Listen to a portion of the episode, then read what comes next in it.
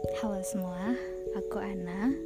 Di podcast kali ini aku akan membagikan pengalaman-pengalamanku tentang hidup dan juga mungkin komentar yang bisa aku berikan terhadap lingkungan sekitarku ataupun kejadian-kejadian yang lagi trending atau kejadian-kejadian yang menurutku perlu beberapa penekanan atau beberapa hikmah yang bisa kita ambil dari kejadian itu.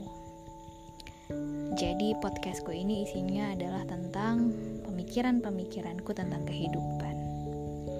Tapi gak menutup kemungkinan juga nih akan ada episode-episode lain di tema-tema lain yang akan aku update di podcast ini.